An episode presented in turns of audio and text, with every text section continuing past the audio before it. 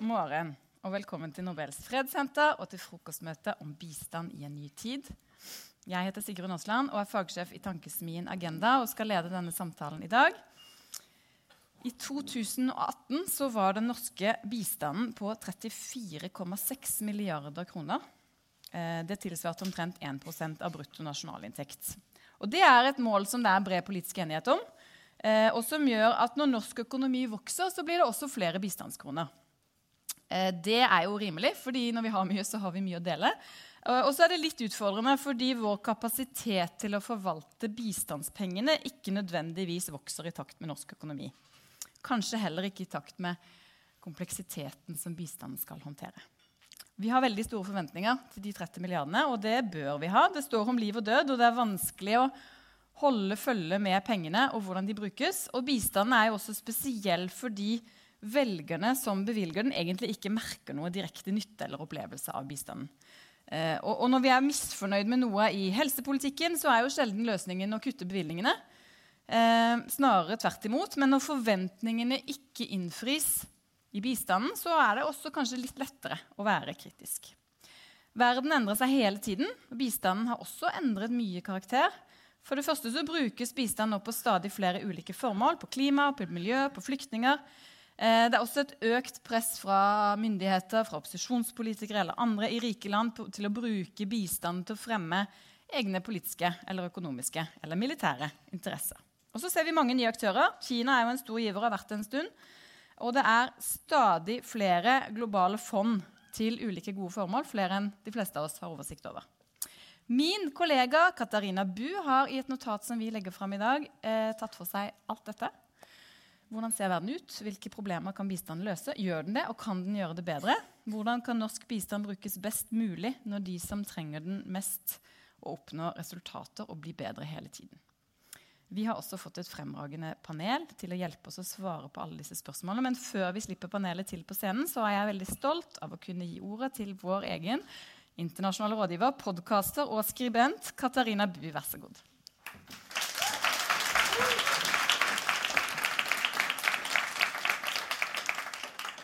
Takk, Sigrun.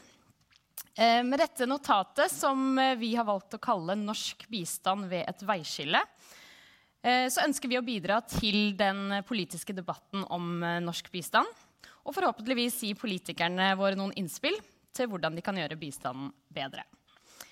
I notatet så skisserer vi først ti globale trender som påvirker den internasjonale utviklingspolitikken. Disse er klimaendringene, press på demokrati og det sivile samfunn, økende ulikheter og vedvarende fattigdom i både lav- og mellominntektsland, migrasjon, langvarige humanitære kriser, Kinas rolle, som Sigrun nevnte, Økt støtte til privat sektor som en del av bistanden. Ny teknologi. Nye gjeldskriser. Og til sist at det er mindre multilateralisme og mer egeninteresse internasjonalt. Dernest så går vi inn i det norske bistandslandskapet. Og vi diskuterer noen utfordringer ved vår egen bistand, og hvordan den brukes og prioriteres. Og jeg må si, Vi har ikke nødvendigvis alle svarene, Bistand er et komplekst felt. Det skriver vi også ganske mye om. Men vi mener det er noen prinsipielle debatter som bør tas. Både av de som nå sitter med makten, og ikke minst blant opposisjonspartiene.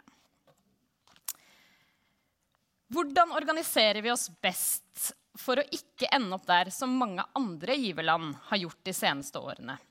Nemlig at mer og mer bistand brukes til å støtte opp om egne nasjonale interesser. Foreløpig har vi sett lite av dette i den praktiske politikken her i Norge. Kanskje med unntak av regjeringens mål om å knytte bistand til returavtaler.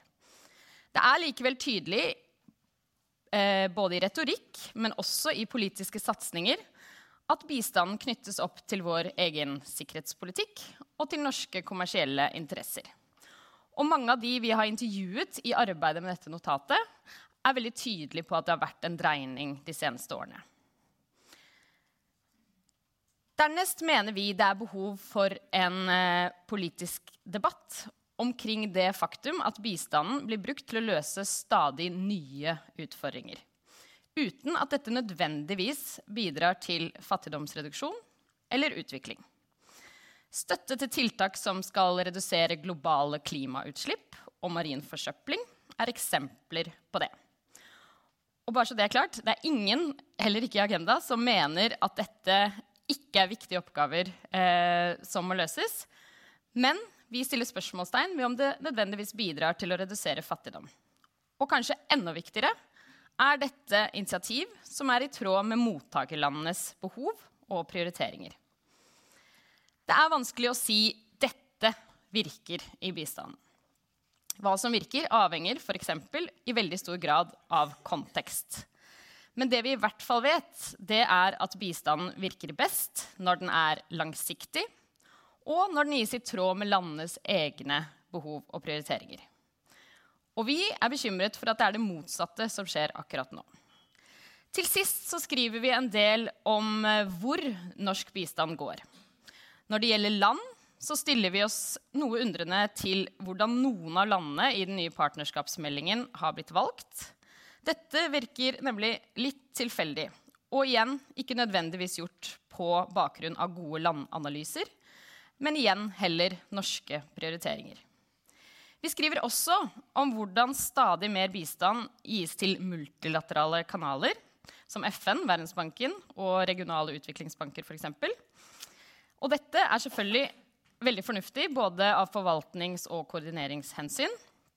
Men det er tydelig at mer og mer bistand går til flere og flere fond og initiativer. Og Norge har til og med stått i bresjen for å opprette nye sånne fond. Men igjen uten at vi har stilt oss spørsmålet er dette det beste virkemidlet for det vi ønsker å oppnå. Og igjen viktigere er dette noe mottakerlandene ønsker. Og så er jo det store spørsmålet om den pågående reformen vil klare å rydde opp i dette. Nylig så la utenriksminister Ine Eriksen Søreide og utviklingsminister Dag Inge Ulstein fram sitt forslag til hvordan norsk bistand skal forvaltes. Umiddelbart så ble forslaget innkassert som en seier til KrF-ministeren. Kanskje spesielt fordi Norad jo skal bestå. Samtidig så ser det ut til at Utenriksdepartementet vil få videreført mange av sine oppgaver. Og at mye av bistanden rett og slett ikke blir berørt av denne reformen. Et åpenbart problem eh, med en slik modell det er at fagmiljøet for bistand og forvaltning handler jo ikke bare om det som vi i gamle dager kalte teknisk tilskuddsforvaltning. Men det inkluderer også fagkompetanse på sektor, som f.eks. helse, utdanning, energi, i tillegg til at de ansatte eh, sitter på kontekstforståelse og har det langsiktige perspektivet som ikke ivaretas nødvendigvis i et departement som har skiftende politiske prioriteringer. Ved å opprettholde et skille mellom politikkutforming på den ene siden og fagkompetanse på eh, den andre, så risikerer man manglende bistandsresultater på bakken, skriver vi. Til sist så kommer vi i notatet med eh, noen konkrete anbefalinger. Disse må dere gjerne gå inn og lese. De er utdypet der. Men jeg tenkte jeg skulle nevne de raskt. 1. Norsk bistand må ikke brukes til fordel for kortsiktige politiske og økonomiske interesser. 2. Norsk bistand bør skjermes fra globale initiativ som ikke har en direkte innvirkning på fattigdomsreduksjon eller utvikling lokalt. Norge må innrette bistanden mot de fattigste landene og de fattigste menneskene. Fire. Norsk utviklingspolitikk må innrettes mot å behandle årsakene, ikke symptomene på fattigdom. Og fem. Norge må stanse opprettelsen av nye multilaterale fond og initiativ og prioritere de som understøtter landenes egne behov og planer. Og til sist den pågående reformen av norsk bistandsforvaltning må sikre at bistanden er forankret i kunnskap og god koordinering. Så håper jeg vi kanskje kan komme tilbake til noen av disse i samtalen. Takk for meg. Tusen takk, eh, Katarina. Da skal jeg få ønske velkommen opp her på scenen til utviklingsminister Dag Inge Ulstein fra Kristelig Folkeparti. Velkommen til deg. Eh, vi skal også ha med oss Benedicte Bull, som er professor ved Senter for utvikling og miljø ved Universitetet i Oslo. Velkommen. Eh, og Øyvind Eggen, blogger og tidligere forsker og bistandsekspert. Nå generalsekretær i Regnskogfondet. Øyvind Eggen. Eh, og selvfølgelig Katarina Bu.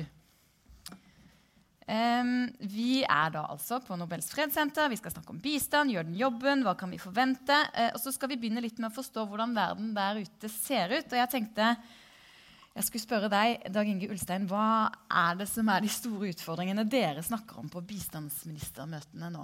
Hmm. Ja, det er jo uh, mange av de store spørsmålene som blir trukket opp i rapporten her òg. Uh, hvem er de mest sårbare. Hvem er det som er vanskeligst å nå? Lykkes vi med det arbeidet som er gjort over tid? Eh, hvordan kan vi eh, kopiere noe av det som, som en lykkes med i forbindelse med millenniumsmålene? Eh, og hva er de største truslene for at vi skal lykkes med det arbeidet som vi er? Litt altså De store trendene at det med klima eh, altså klimaforandringer eh, og behovet for mer klimatilpasning og forebygging av naturkatastrofer. Det er liksom, tingene som jeg, jeg har opplevd de siste eh, månedene, siste 100 dagene, på en måte har vært mest på agendaen. Um, og så merker jeg jo at veldig mange jeg tror at veldig mange ser på, på, på Norge som en troverdig bistand- og utviklingsaktør. Eh, eh, fordi vi på en måte over tid har um, har, har, hatt troverdighet på et par store områder som helse og utdanning, og på en måte vært i, i lid på det. Um, men så tror jeg at nettopp det som handler om klimaendringer og behovet for tilpasning der, eh, gjør at det må få en større og mer sentral plass i, i arbeidet vårt. For at ikke det skal rive beina under mye av det som allerede er gjort, og veldig mange av de andre innsatsene som er der og som til syvende og sist kan føre til at enda flere blir tatt inn i den gruppa av ekstremt eh, fattige. For det handler om å redusere fattigdom.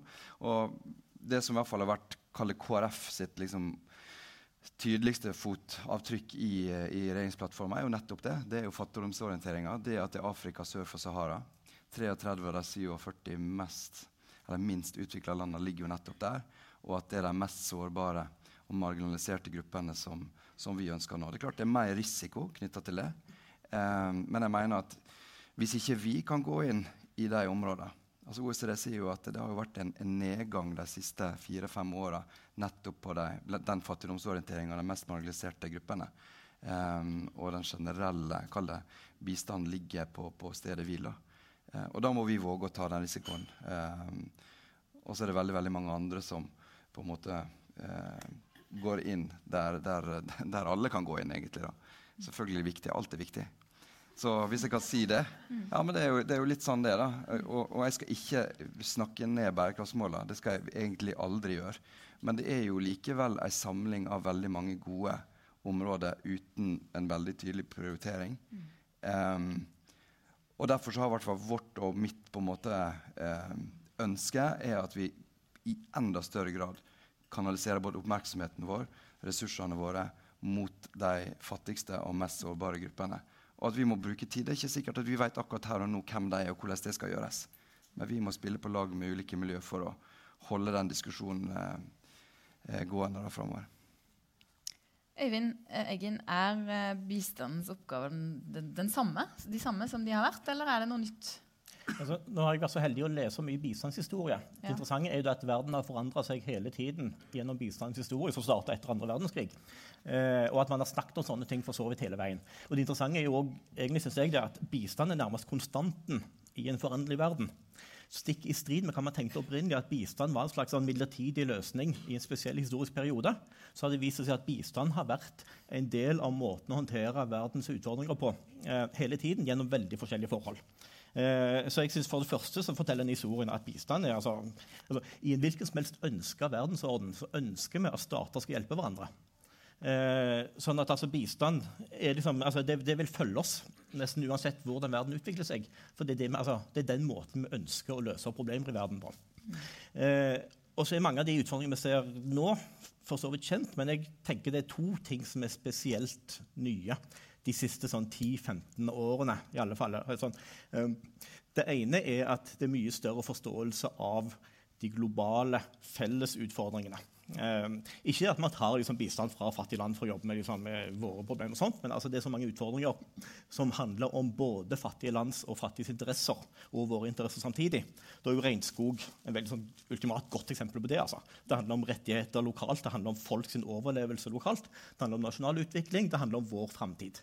Og alt det der henger så tett sammen at det er utenkelig å, å, liksom, å skille det fra hverandre. Så det at man har den, altså, den forståelsen av at det er felles utfordringer som løses gjennom bistand, eh, den er ny. Eh, den andre, som er like så dårlig å snakke om hos oss, egentlig, som ikke har gått inn oss, er at det vestlige hegemoniet er definitivt over. Eh, det skjedde egentlig for lenge siden, men vi har ikke forstått det ennå. Eh, og, og, den har vi ikke helt tatt inn over oss heller. fordi vi har tatt for gitt, altså Bistand har handla om på en eller annen måte, så har det vært vår måte å fortelle resten av verden hvordan de bør innrette seg på. Og vi har sett det som sånn, Fordi vi har oppfattet oss selv og er mest utvikla, så har vi sett det som sånn rett og en plikt vi har å fortelle de andre hvordan de skal utvikles. Eh, og det gjør vi fortsatt. Bistand er gjennomsyra av det. Men vi har ikke forstått at det, det, det treffer steingrunn nå i større grad enn før. Fordi vårt hegemoni har gradvis forvitra omtrent siden årtusenskiftet. Men det er først de siste tiår det har begynt å gå opp for oss at dette skjer. Mm. Benedikte, hva, hva, tenker du er den viktigste forskjellen der ute som, som bistanden skal ta inn over seg og løse nå, sammenlignet med da du begynte å forske på dette for noen år siden? ja, Det er veldig mange år siden. Veldig mange år siden. Eh, takk for det hintet. Men eh, Nei, altså, det er, det er, mange ting. Men de, er, jeg tenker det er tre ting som jeg kan våkne om natta for å være skikkelig bekymra for. Ikke for meg, men barna og barnebarna mine. hvis jeg får det noen gang. Men, eh, eh, og er, De er nevnt i rapporten. og det, det, ene er selvfølgelig klimaendringer.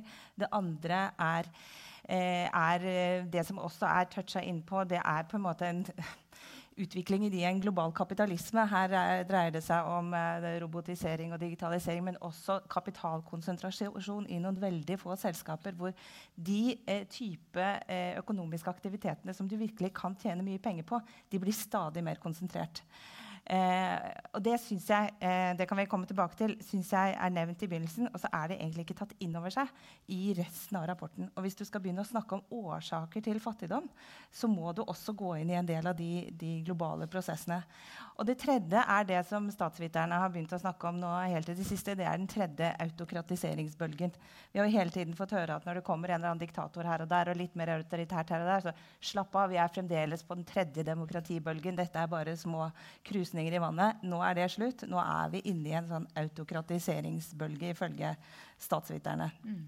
Eh, og, og, det syns jeg eh, jeg ser overalt. Eh, og det eh, er eh, noe som bekymrer meg eh, veldig. Og at det er faktisk, vi er inn, på vei inn i en ganske ny tid når det gjelder politisk styresett. Så kan vi si at det kan ha med tap av vestlig hegemoni å gjøre. og her er det veldig mange ting å si. Men, men jeg syns det er vanskelig å, å se hvordan man da skal klare å og, og, leve opp til alle disse fyndordene med mottakerorientering, samtidig som vi ser ganske sånn bekymringsfull utvikling i veldig mange land. Og så er spørsmålet, synes jeg, hele veien sånn, hva, Hvilke av disse store spørsmålene er bistand et godt svar på? For vi tenker jo hele tiden ja, øh, Og da må vi satse på det. Eh, da må vi satse masse penger på det. Og så ender vi opp sånn som vi alltid gjør, i at alt er viktig, og at vi må gjøre litt av det og litt av det. Og så er det så mange motsetninger at de springer rett i øyet, til og med i denne veldig fine rapporten. Eh, eh, eh F.eks. man skal være, fokusere på de fattigste. Man skal også fokusere på bærekraftsmålene. Det er ikke alle de som går på de fattigste. det er veldig mange ting. Eh, man skal gå til årsaken eh, eh, av fattigdom. hvordan gjør man, er det, Når man tenker på vi skal, vi skal liksom ut i i, Malawi, på landsbygda, og få tak i de aller fattigste. Går vi da egentlig til årsaken eh, av fattigdom? Eller vil det snarere dreie seg om å påvirke noen globale prosesser som ikke ser ut som de egentlig er fattigdomsorientert? Og alle disse store, vanskelige spørsmålene tenker jeg blir alltid litt hengende i lufta, og så gjør vi litt av alt sammen. Og så er vi fornøyde, så får vi liksom eh, noen fine tweets for alle, alle de sakene vi kommer inn på. Eh, Katarina, eh, du snakket jo også litt om eh, disse store bakenforliggende Vi er opp til øynene på kollektive globale goder, og alle snakker om klima. Eh, skattlegging og konsentrasjon av ressurser globalt. Er det noe av dette bistanden kan løse, eller blir den mindre viktig til fordel for andre ting? Jeg tror absolutt det er noe bistanden kan løse. Men eh, bistanden kan på ingen måte løse alt. Det er en liten ressurs sammenlignet med både private investeringer, med ikke minst pengeoverføringer fra, fra familie og venner i andre land. Altså, vi må også se på liksom, hvor stor den er sammenlignet med annet. Eh, og jeg tror eh, vi har en tendens til å tenke at bistanden kan bis løse alt. Eh, men utvikling handler jo om veldig mye mer enn bistand.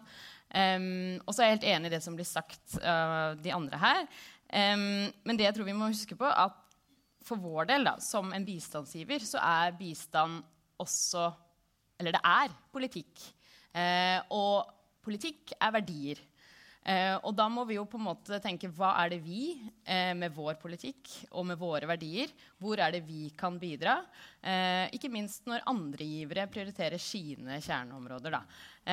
og da er selvfølgelig, som vi er innom i notatet, eh, støtte til sivilsamfunn og demokratiske krefter eh, i utviklingsland. Ikke minst for å motvirke det Benedicte er inne på. Um, og så tror jeg, og det skriver, det har vært veldig sånn, de siste årene veldig sånn fokus på at vi skal prioritere og vi skal konsentrere bistanden. Og, og mange har liksom sagt at vi bør konsentrere på tema, på land. Um, men jeg syns det er veldig vanskelig å si, nettopp fordi at alt henger alt, uh, sammen med alt. Uh, og alt er viktig. Men i hvert fall i de landene hvor vi er, så må vi jo stille oss spørsmålet hva er dette landets største utfordring? Hva er det vi trenger å bidra Hva kan vi bidra med her, som f.eks. ikke andre bistandsgivere gjør? Og hva er det på en måte mulighet til å få til dette landet? Eh, og da må på en måte det være utgangspunktet for eh, utviklingspolitikken og bistanden, ikke nødvendigvis eh, hva vi selv syns er viktig her. Og så bare til det Øyvind sier. Mm, jeg, det er jo helt riktig at vi nå snakker om globale utfordringer. Og de må vi løse i fellesskap. Men igjen, det er ikke sikkert alt trenger å løses med mer bistandsmidler. Utviklingspolitikk, f.eks., som vi også skriver om i notatet, gjeldskriser 31 av 67 utviklingsland har nå altfor høye gjeldsbyrder og er på vei inn i en gjeldskrise. Eh, det kan vi f.eks. få til avtaler internasjonalt, og det trenger ikke å koste så mye penger. Det igjen vil føre til at disse landene kan bruke mer penger på sosial velferd enn å nedbetale eh, dyre lån. Øyvind, eh, så ut som du hadde lyst til å si noe, men jeg har lyst til å spørre deg også, fordi eh, flere har vært innom her at bistanden kan jo ikke løse alt, og vi må prioritere, men vi vil så veldig mange ting. Og det er jo et stikkord som jeg tror ingen bistandsdebatter klarer seg uten, nemlig prioritering, eh, som alle er enige om. Eh, F.eks. i valg av hvilke land som skal motta norske bistandskroner, men også hvilke tema vi skal jobbe med. Er, klarer vi det? Nei, ikke i det hele tatt. Eh, og i alle fall siden rundt 2005 så har det vært sånn i norsk utviklingspolitikk antagelig før også, men jeg ikke, fulgte ikke så godt med da før, eh, så har det vært sånn at hver nye statsråd Dag Inge neste i køen nå, eh, bruker økningen i bistandsbudsjettet altså Man får liksom noen milliarder ekstra fordi bruttonasjonalproduktet vokser. Bruker den til å markere seg på noen nye områder eh, uten å ta vekk noe annet. Sånn at altså, det, det Utviklingspolitikken har over tid utvikla seg til et sånn monster av ulike politiske mål, som egentlig er sånn rester av tidligere politiske prioriteringer. Eh, I tillegg til at man legger på en del nye. Eh, så der ligger en sånn hovedproblem i prioriteringsspørsmålene. Eh, jeg fikk veldig lyst til å smette inn noe. Men... Ja, du skal få ordet til dette om et lite øyeblikk. Ja, eh, men jeg, jeg, altså, samtidig så må vi, altså, noen ta veldig langt, gå tilbake og si at vi må prioritere veldig sterkt. Det er ikke sikkert vi må det heller. altså. Det er mange hundre mennesker som jobber med bistandsforvaltning. Eh, det er masse kompetanse, og det er ganske mye penger. Og det er masse mulige aktører man kan bruke.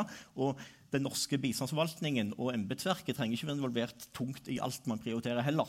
Fordi altså, det er veldig mye kompetanse man kan hente andre steder. Sånn at jeg vil tenke, altså Noen tenker sånn at du skal ha liksom, tre, fire, fem områder.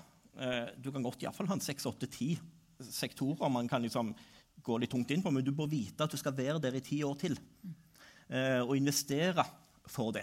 Og det gjør vi nå ikke. Altså, sånn, det, egentlig, altså, det vi egentlig trenger som verktøy i bistandsprioritering, er slags, sånn, noe som ligner litt på Nasjonal transportplan. Noe som forteller hvordan det skal se ut om 10-15 år. Mm. Eh, for da kan du begynne å investere i det du trenger. Da vil man klare mye bedre. Eh, for gjør, gjør man bedre prioriteringer. Man klarer å håndtere det man prioriterer, på bedre måter. I alt dette her så vil jeg bare legge til at jeg tenker egentlig at landprioritering har fått veldig sterk mye oppmerksomhet og det er ikke så viktig. For første så, altså, så lenge vi setter integrert altså utviklingspolitikk, utenrikspolitikk er sånn det, så er jo Norge til stede i nesten alle land, eller i nærheten av de fleste land. Man kan jobbe mange steder. Det kan være en fordel. Eh, det viktige er jo sektorfaglige prioriteringer. Mm. Og så må man slutte bare med den der ideen som heldigvis altså, Kristelig Folkeparti er med på. Altså. Den ideen om at andre aktører enn UD og Norad skal prioritere det samme. Eh, altså, som har fått en absurd utslag som at liksom, sivilsamfunnsorganisasjoner har blitt bedt om å gjøre det som Norge synes, liksom, det som UD for tiden syns å gjøre, istedenfor å bli bedt om å gjøre det de kan best. Eh, og det fører ikke til bedre bistand. Dag Inge Ulstein, skal du prioritere mer, eller eh, gjøre mer? ja. Nei, nå er det den uh en sånn redegjørelse som, som en skal ha, da, som jeg skal ha i Stortinget i morgen. Der blir jo på en måte hovedlinjene. og da er jo litt av det budskapet at det er, der er noen ting vi må slutte med. Det er noen ting vi ikke skal prioritere. Det er noen ting som andre er bedre til oss å gjøre. Og så er det litt sånn som i hvert fall eh, som jeg kommer til å være tydelig på der, er jo at det er jo noen ting vi vet. Vi vet at kanskje 70-80-90% av de aller, aller fattigste kommer til å være Afrika sør for Sahara. Sant? Det er på en måte, Vi vet òg at det er noen ting som hadde effekt på den veksten som var i i, i Asia. Eh, og så så vi kanskje Latin-Amerika at noe av det samme i forhold til småskala jordbruk ikke hadde den effekten der. når de prøvde det samme, Men, men det tror jeg må være en del av, av det vi eh, prioriterer høyere nå. Og det er jo ikke noe nytt. så derfor kan Jeg si at jeg kan legge inn noe på den lista som vi er gode på, som vi har fortrinn på, som vi har drevet på med før. Men så har kanskje da noe Det handler ikke om egeninteresse, først og fremst, men da en litt annen dreining, som da har vært om det siden 2004, fram til nå, tatt oppmerksomheten bort fra det som er nødt til å være en del av svaret for å, å sørge for at de mest sårbare eh, ikke går enda lenger ned den spiralen. Du nevnte jo Malawi. Og det er jo det er derfor jeg tror at klimatilpasning og forebygging av naturkatastrofer og til og med noen av de fondene som er blitt etablert, har effekt. Som f.eks. ProBlue, som på en måte de aller fattigste øystatene får hjelp til å bygge infrastruktur som gjør at det ikke går bare i den gjeldsspiralen hele veien. Malawi hadde jo i løpet av en tiårsperiode så var det 38% som gikk ut av fattigdom.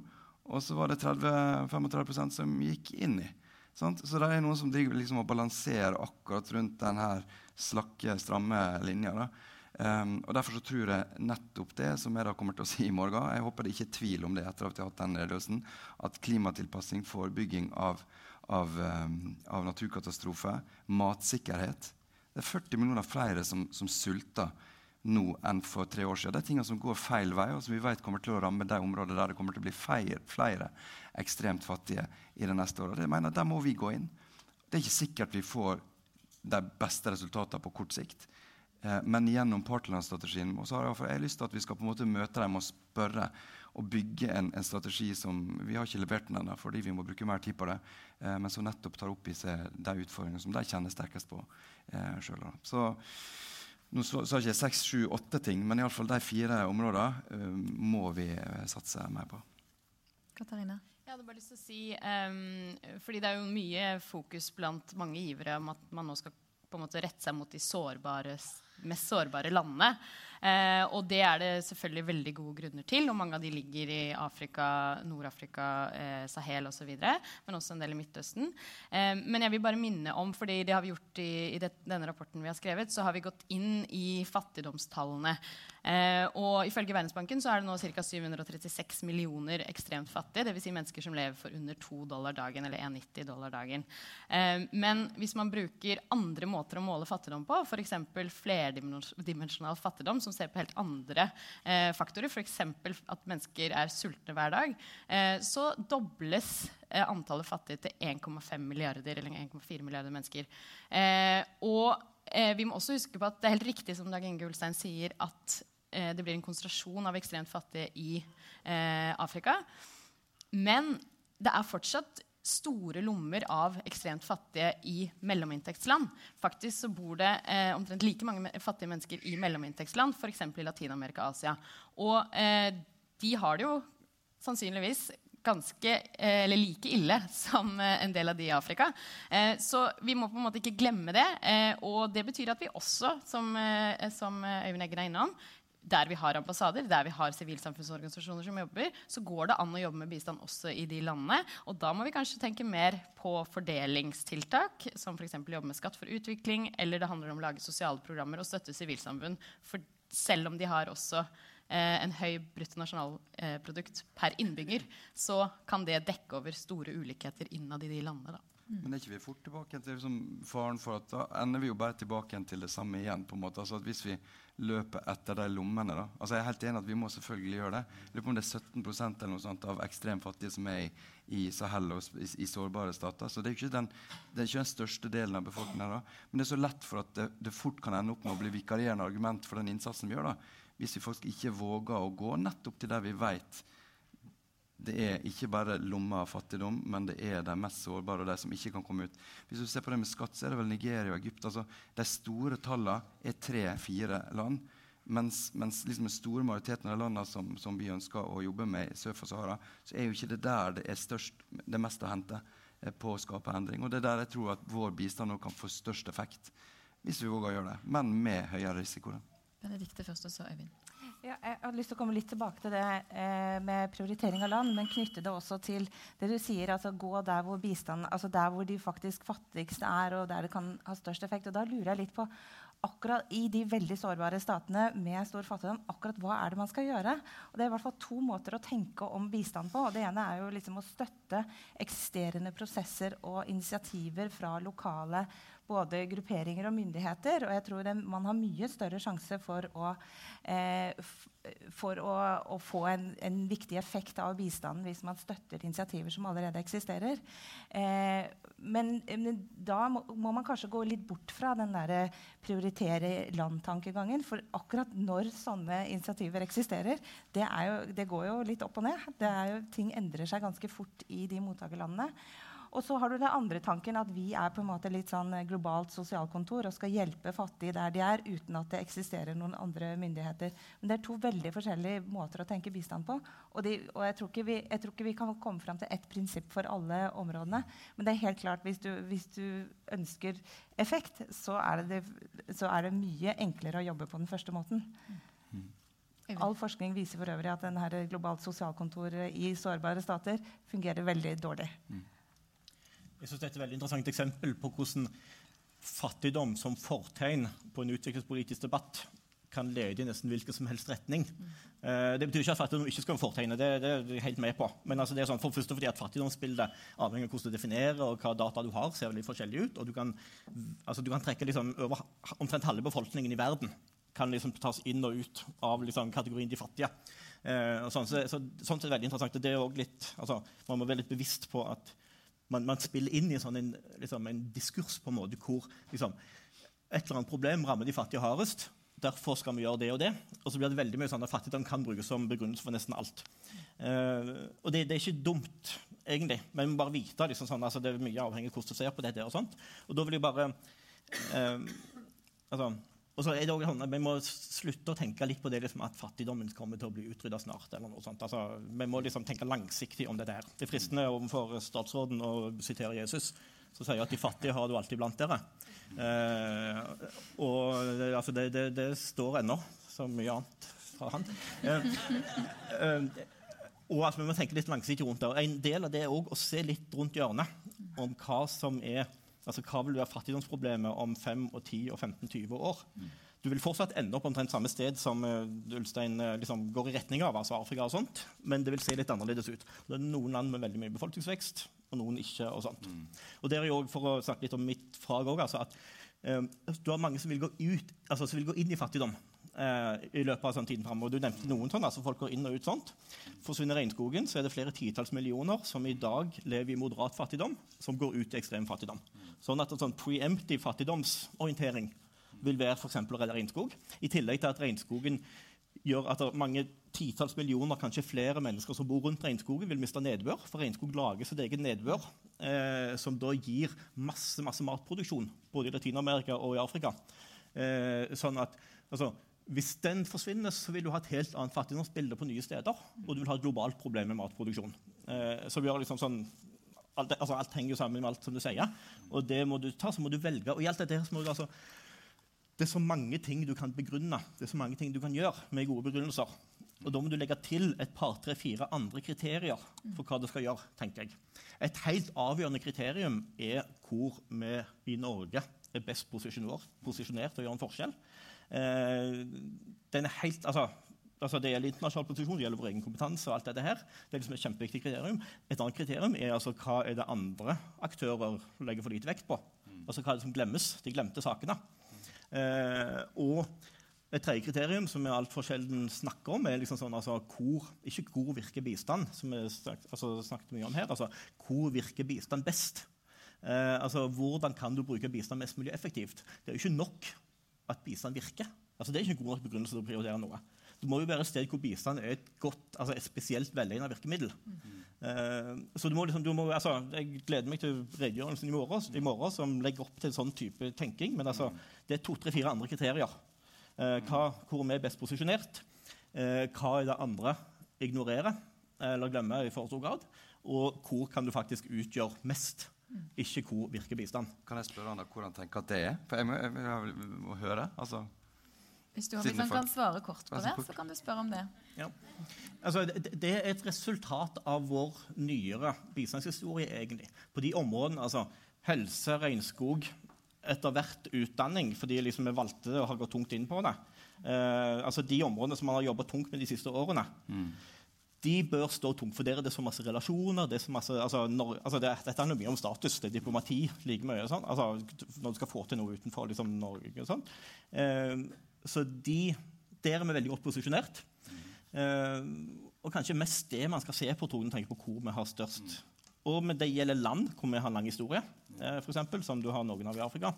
Uh, men altså, der vi har en diplomatisk status, tror jeg er viktig. For sånn som, sånn som bistand fungerer nå for tiden. Hvor ikke, liksom, det er ikke først og fremst pengeoverføring til gode formål.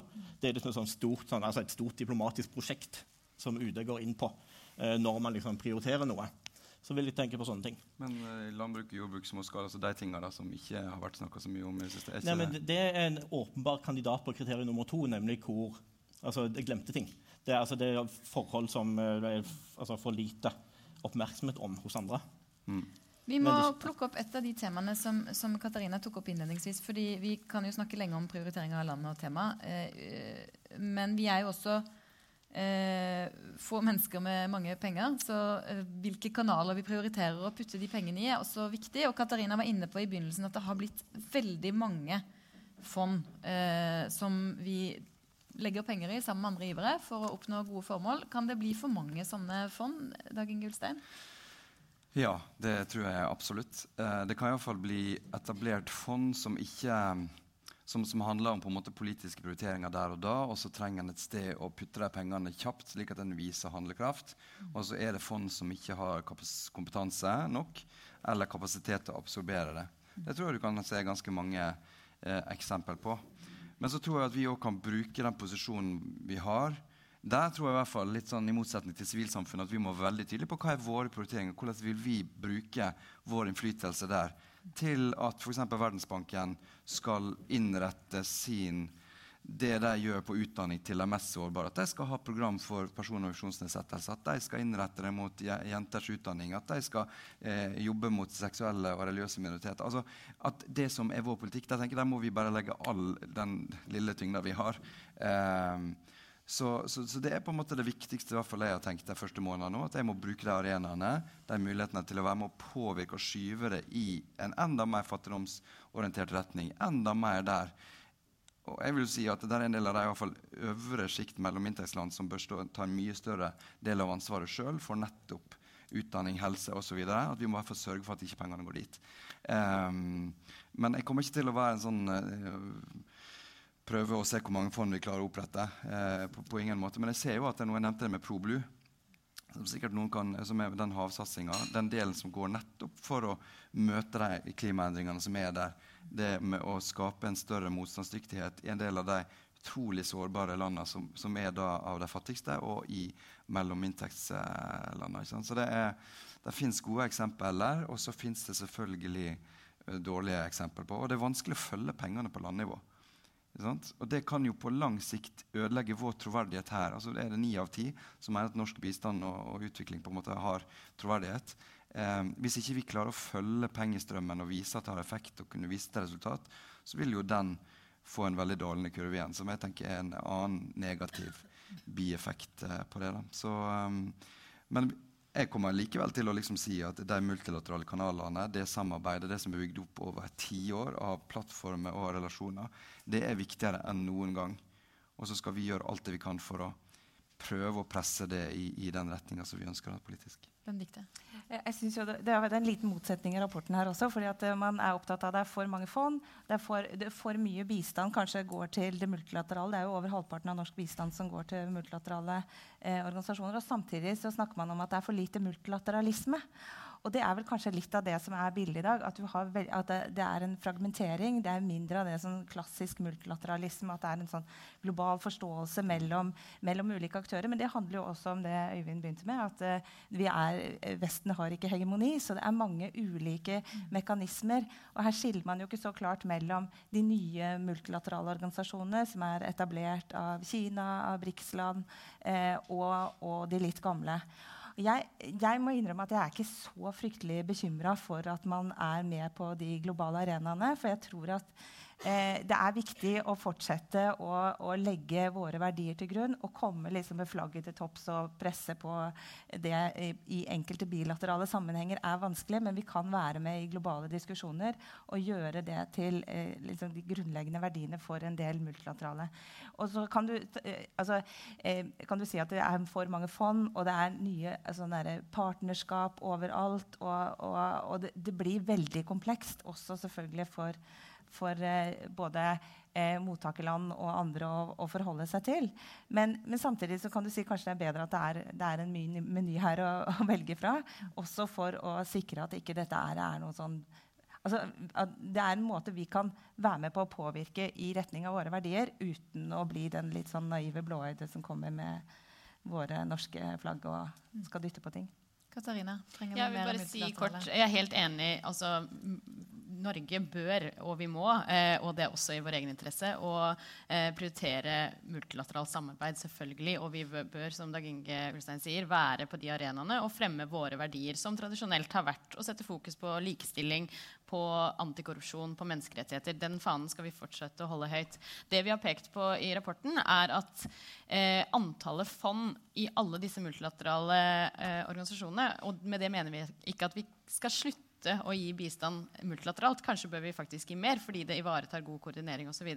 Det vi peker på, er at eh, Riksrevisjonen og en del evalueringer eh, gang etter gang sier at vi ikke har god nok oversikt her i forvaltningen i Norge. Eh, det sitter kanskje ett menneske i eh, norsk forvaltning og forvalter over, altså, mange hundre millioner kroner til ett fond. Eh, men så sitter det ti stykker og ser på småmidler til sivilsamfunnsorganisasjoner. Og det ikke, liksom, står ikke i størrelsesforhold til hverandre. Da.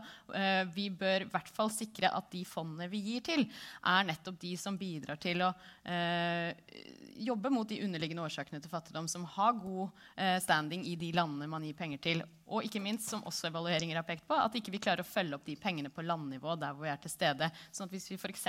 støtter la oss si Redd Barna eh, sitt utdanningsprosjekt i la oss si Tanzania, så har vi ikke eh, nødvendigvis like god oversikt over hva Verdensbanken gjør i, i, eh, i et spesielt fond eh, på utdanning i det samme landet. Så det er noe med å liksom, finne de koordinerings- og synergieffektene. Øyvind Eggen fra Regnskogfondet. Hva vil du si om fond? Ja. altså, i, I fond så finner du de aller største suksessene i norsk bistand og de aller største fiaskoene. Begge deler. Og Problemet skyldes at man bestemmer seg for fond på feil tidspunkt. Fordi at altså, fond, altså, Det er alltid mest stas å bygge noe nytt framfor å bygge på det som er der. Så hver gang en statsråd eller liksom, diplomater skal liksom begynne på noe nytt, så er det veldig stas, og så tenker man på fond altfor tidlig. Eh, og da går det mye galt, og så blir det noe som blir bra. Eh, sånn at man må vente litt med det. Og det gjelder hele det spørsmålet kanalvalg, altså hvilke typer som multilaterale, bilaterale videre og sånt. Man bestemmer seg for tidlig eh, for, for, kanalvalg. Man må se på hvilke oppgaver man har foran seg, og så vurdere ting. Dette merker vi veldig godt, fordi at altså, vi i Regnskogfondet jeg er overbevist om at vi klarer å konvertere penger til resultater veldig veldig mye bedre enn de fleste av de multilaterale kanalene som UD bruker for å redde regnskog. Men vi blir ikke engang vurdert opp mot dem. Fordi noen har bestemt seg for hvor stor del av bistanden skal brukes til sivilsamfunn. Og så skal vi da konkurrere med andre organisasjoner som jobber med alle mulige andre typer temasektorer. Vi får ikke lov til å konkurrere med de andre som redder regnskog.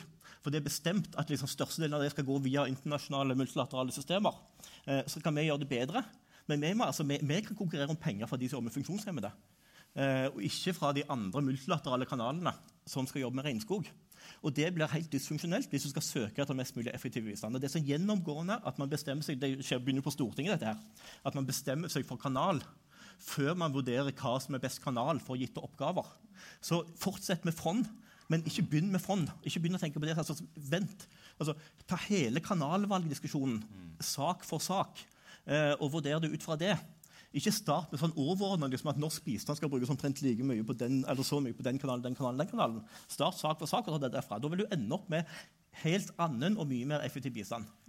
Jeg tror rapporten på en måte er, i hvert fall sånn som jeg opplever det, så, så gir det veldig resonans i sånn som jeg opplevde det første perioden her. altså at um, Noe av det jeg er aller mest lei for uh, Det her blir tatt opp. Ja. Så du må si Jeg må være forsiktig. Du må Nei, men jeg kan stå si, for altså, det du sier. blir, Noe jeg blir aller mest lei for, eh, det er jo folk som kommer bort liksom, og klapper en på skuldra og så sier på en måte her kan du bli champion på det feltet. Her kan du liksom, Og da er det liksom Skulle ikke vi hatt et fond her? Skulle ikke vi hatt et sånt? Utrolig mange gode eh, initiativ, kanskje. Um, og så er det at Norge skal liksom Nå er det tid for et nytt liksom, champion, og du skal, her kan du få en statue en eller annen gang litt lenger framme.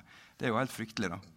Og, og så er det sånn eksempel ikke sant, som har vært litt skriverier nå om det siste, apropos Riksrevisjonen og um, utdanningsfond, altså IFED, det som på en måte det handler om Noe av det som i hvert fall var, var min og vår, jeg tror det kan være veldig bra, men vi må jo vite at det har den effekten vi vil, og at det når nettopp de mest marginaliserte, de mest sårbare og i mellominntektsland, hvis vi skal gjøre det. Og den type liksom, brems da, i ting som er veldig veldig kjekt og gir oss kanskje enda mer dytt og gir oss en ny posisjon og liksom ta ett steg til opp i den trappa litt lenger fremme, det må vi prøve å unngå. altså. Så, um, men det er noen fond og det er noen områder som vi har vært gode på, som jeg tror vi har noen fortrinn på, som vi kommer til å blankpusse, og som vi kommer til å vise er viktige. Så, um, så ja. Vi eh, skal begynne å gå inn for landing her på Nobels fredssenter i debatten om bistand. Men jeg har lyst til å utfordre dere alle og begynne med deg, Benedikte. Hvis du skulle ønske deg én ting siden du nå har utviklingsministeren her, hva skulle det være? Kan du ikke begynne med noen andre? Jeg kan godt begynne med Katarina. Eh, ja. ehm, det jeg vil, eh, siden utviklingsministeren er her, så vil jeg først og fremst utfordre han på nå bruke månedene eh, som kommer, eh, på å tenke godt og grundig rundt denne reformen, eh, som jo er viktig for mange i norsk bistand, spesielt de som jobber med forvaltning i Norad og UD. Ehm, at man bruker tiden godt nå til å nettopp tenke på de dilemmaene vi er inne på. Fordi reformen er jo ikke nødvendigvis eh, Den er jo så veldig viktig i seg selv, men det er jo heller hva den skal resultere i, og hva vi får ut av den. Em, så da må man tenke hvordan bygger man et godt, nok, eh, godt norsk forvaltningsapparat som nettopp kan få lov til å dyrke kunnskap eh, og være langsiktig og jobbe sammen med de landene hvor vi gir bistand til, og sammen med sivilsamfunnsaktører, sånn at man nettopp i fremtiden også vil kunne se avtrykk av norsk bistand eh, for det den klarer å levere på. Da. Eh, og ikke la seg liksom forføre av eh, alle mulige eh, gode in eh, ytre eh, innspill, men lytte først og fremst til de som eh, sitter og kan bistand godt, ikke minst i, i landene. Eh, så det blir en eh, viktig oppgave. Eh, så lykke til med det. Vi har mange gode eh, forslag i rapporten, så da kan du ta med deg det. Øyvind Engen, du skal også få ønske deg noe. selvfølgelig. Ja, jeg prøver to jeg, mens Benedicte forbereder seg. Eh, For det første, altså Når vi snakker reform, og sånn, altså du har begynt veldig bra. Det er veldig veldig bra at den ble landa. Og det er nå jobben begynner. Eh, altså sånn, Tenk fortsatt på systemreform hjemme. Altså sånn, altså Ikke minst innenfor UD, men altså hele systemet. Eh, det, det eneste du har gjort til nå, er å, liksom, å etablere startblokken for hvor vi går videre fra. Og prioritere det.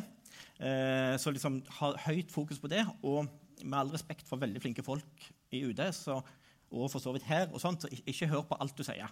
Tenk, altså, dette er et sånn veletablert felt hvor det er veldig mange gamle ideer som sirkulerer. Eh, så, så, liksom, så, så tenk litt, vær utnytt og vær nykommeren. Og kunne tenke litt på nye måter. altså Se når keiseren ikke har klær. og sånt. Eh, og det siste, Neste punkt går liksom litt opp til det du skal presentere for Stortinget i morgen. Den er sikkert ferdigskrevet allerede. Eh, men jeg tror allerede med, du er der. altså. Men altså, tenk på miljø og biologisk mangfold som et sosialt anliggende. Eh, ikke som en sånn miljømessig, mest sånn estetisk anliggende som har her. Altså, flere hundre millioner mennesker i, altså, i vår framtid kommer til å være helt, helt avhengig av naturen for å overleve. Eh, altså, det gjelder regnskog, og det gjelder andre områder. Eh, altså, men hvis vi gjerne gir disse fattige jobb eh, Veldig, veldig mange kommer til å være helt avhengig av en velfungerende natur. Det biologiske mangfoldet, skogen, er helt avgjørende for at de skal overleve. Så ikke overlat det til liksom miljø. Ikke tenk på det som miljøsak. Det er en viktigste fattigdomsanliggende og et sosialt anliggende. Og det er òg i kampen om naturen at den store sosiale, politiske liksom, struggles pågår. Eh, altså, Brasil er et eksempel hvor det skjer akkurat nå. altså Folk blir drept hver eneste uke i kampen for miljøet. Dette er en sosial, politisk og en rettighetskamp. Ikke, ikke en sånn en miljøengasjement på toppen av det andre. Benedikte? Ja, uh, Ulempen med å sette seg på nummer tre er jo mye lurt, lurt meg sagt. Men jeg vil for det første anbefale at du leser de første sidene i denne rapporten veldig grundig. For jeg tror, altså Prøv å ha ha de store spørsmålene i bakhodet hele tiden. For det blir, altså, og jeg blir veldig beroliget når du sier at uh, du er ikke så opptatt av å få en statue, eller at du skal være den som bringer én ny ting inn på agendaen. Tenk, tenk, på hvilke gode initiativer som har vært brukt, og som, kan, og som kan videreføres og gjennomføres. For mye av fiaskoene i, i, hele utviklingens historie handler jo om at man har kommet med nye ting, og så er de halvveis prøvd, og så er de blitt dømt til fiasko, og så, og så blir det lagt i en skuff, og så går vi ikke, går vi ikke den veien lenger. Så, eh, så, jeg tenker at nettopp det å ikke behøve å finne opp, eh, finne opp noen sånn helt nye ting, men samtidig tenke på at vi har en at, eh, Som eh, Greta Thunberg sier, altså tenk at huset brenner. Vi er, vi er krit, hele kloden er på helt krit, en kritisk plass. Og de, de, fattigste kommer til å være de som, som vil lide aller mest under det. Um, og så bruke eh, den eh, kompetansen som fins. Og jeg syns det er veldig betryggende å lese at eh, Agenda har intervjuet mange eh, som jobber med dette her eh, ute og hjemme. Men de har jo bare intervjua eh, norske medarbeidere. Altså nei. de som Nei, nei, vi har vært i Tanzania og Mosambik og snakket med mange mottakere. mottakere ah, ja, for det ja. står det faktisk ikke i jo, rapporten. Da, det står liksom. Ja. det har vi. Lytte. Ja. Tusen takk. Eh, Dag Inge Ulstein, du skal få et uh, minutt til uh, ja, til kommentar for det her. Til å kommentere ja. på ønskelisten. Ja, Gode, gode innspill. da. Til det første som ble sagt, så jeg, bare, jeg synes rapporten var utrolig god. Eh, og så fant jeg en ting som jeg tror faktisk er ikke helt korrekt i forhold til det som vi har vedtatt når det gjelder reform, som kanskje kan berolige litt. For der står det bl.a. i rapporten at eh, den delen som skal ligge igjen i UD, som handler om styrerepresentasjon og en del arenaer, da kommer til utenriksministeren. Men det er ikke tilfellet. Det vil fortsatt være, eh, være ligge eh, der det er naturlig under, eh, under utviklingsministeren. Og det er jo nettopp det å kunne se på å bruke den kompetansen og kapasiteten som ligger der både i Utenriksdepartementet og i Norad eh, på best mulig måte. Jeg trenger å ha noen eh, rundt meg som kan jobbe med de strategisk langsiktige linjene på det her, som står og etter. Altså, jeg kan jo være slutt ferdig neste uke. Sant? det der er jo helt umulig å vite i denne jobben her. Men jeg tror at vi har landa på en modell, og vi har bare så vidt kommet ut av startblokkene, som sikrer den langsiktigheten på best mulig måte. Og da er det helt åpenbart at det er et fagmiljø i Norad som kommer til å ha enormt mye å si for at vi skal ha kvalitet og den tette og nære oppfølginga eh, som, eh, som trengs. Så det har jeg bare lyst til å, på en måte si er viktig. Og så tror jeg det handler om at vi må ha sånne typer arenaer som det her. Spille på lag. Dette er jo heldigvis et felt der det er stor tverrpolitisk enighet. Det er ikke sånn at noen bruker det politisk som gjør at ikke vi ikke får brukt energien på, på, det som skal Jeg hadde bestilt det fra CMI, forskning som dere kjenner. Um, um, rett og slett for å rett og slett spare litt med deg på kontoret. Hva fins det av forskning på det med sårbare og marginaliserte grupper? Personer med funksjonsnedsettelse, seksuelle minoriteter, eh, religiøse minoriteter og, og, andre. Hva er det som fins? Hva, vil på en måte den delen av forskninga gi oss av anbefalinger det arbeidet skal gjøre? Jeg håper vi får gjort mer av det, og sparre om litt utradisjonelle partnere framover på hvordan vi kan gjøre det. Så ja, jeg tror vi må tilbake til mye av det vi har gjort før, men det kan hende at vi må løse det på litt nye måter og på en måte litt andre typer samarbeid enn det vi er, er vant til. Men, eh, men, jeg må jo bare si takk for jobben med, med, den rapporten og det som har kommet. og det er veldig nyttig. Og eh, selv om vi har skrevet det meste av talen til i morgen, så skal jeg prøve å ta med innspillet fra Regnskogfondet. Mm. Tusen takk. Med det skal vi runde av dagens eh, bistandsforum her på Nobels fredssenter. Tusen takk til utviklingsminister Dag Inge Ulstein, til forsker og generalsekretær Øyvind Eggen, til professor Benedicte Bull og til rådgiver i Tankesmien Agenda Katarina Bu. Tusen takk til alle dere som satt i salen til alle som hørte på. Jeg heter Sigrun Aasland, og vi ses og høres igjen. Ha det bra.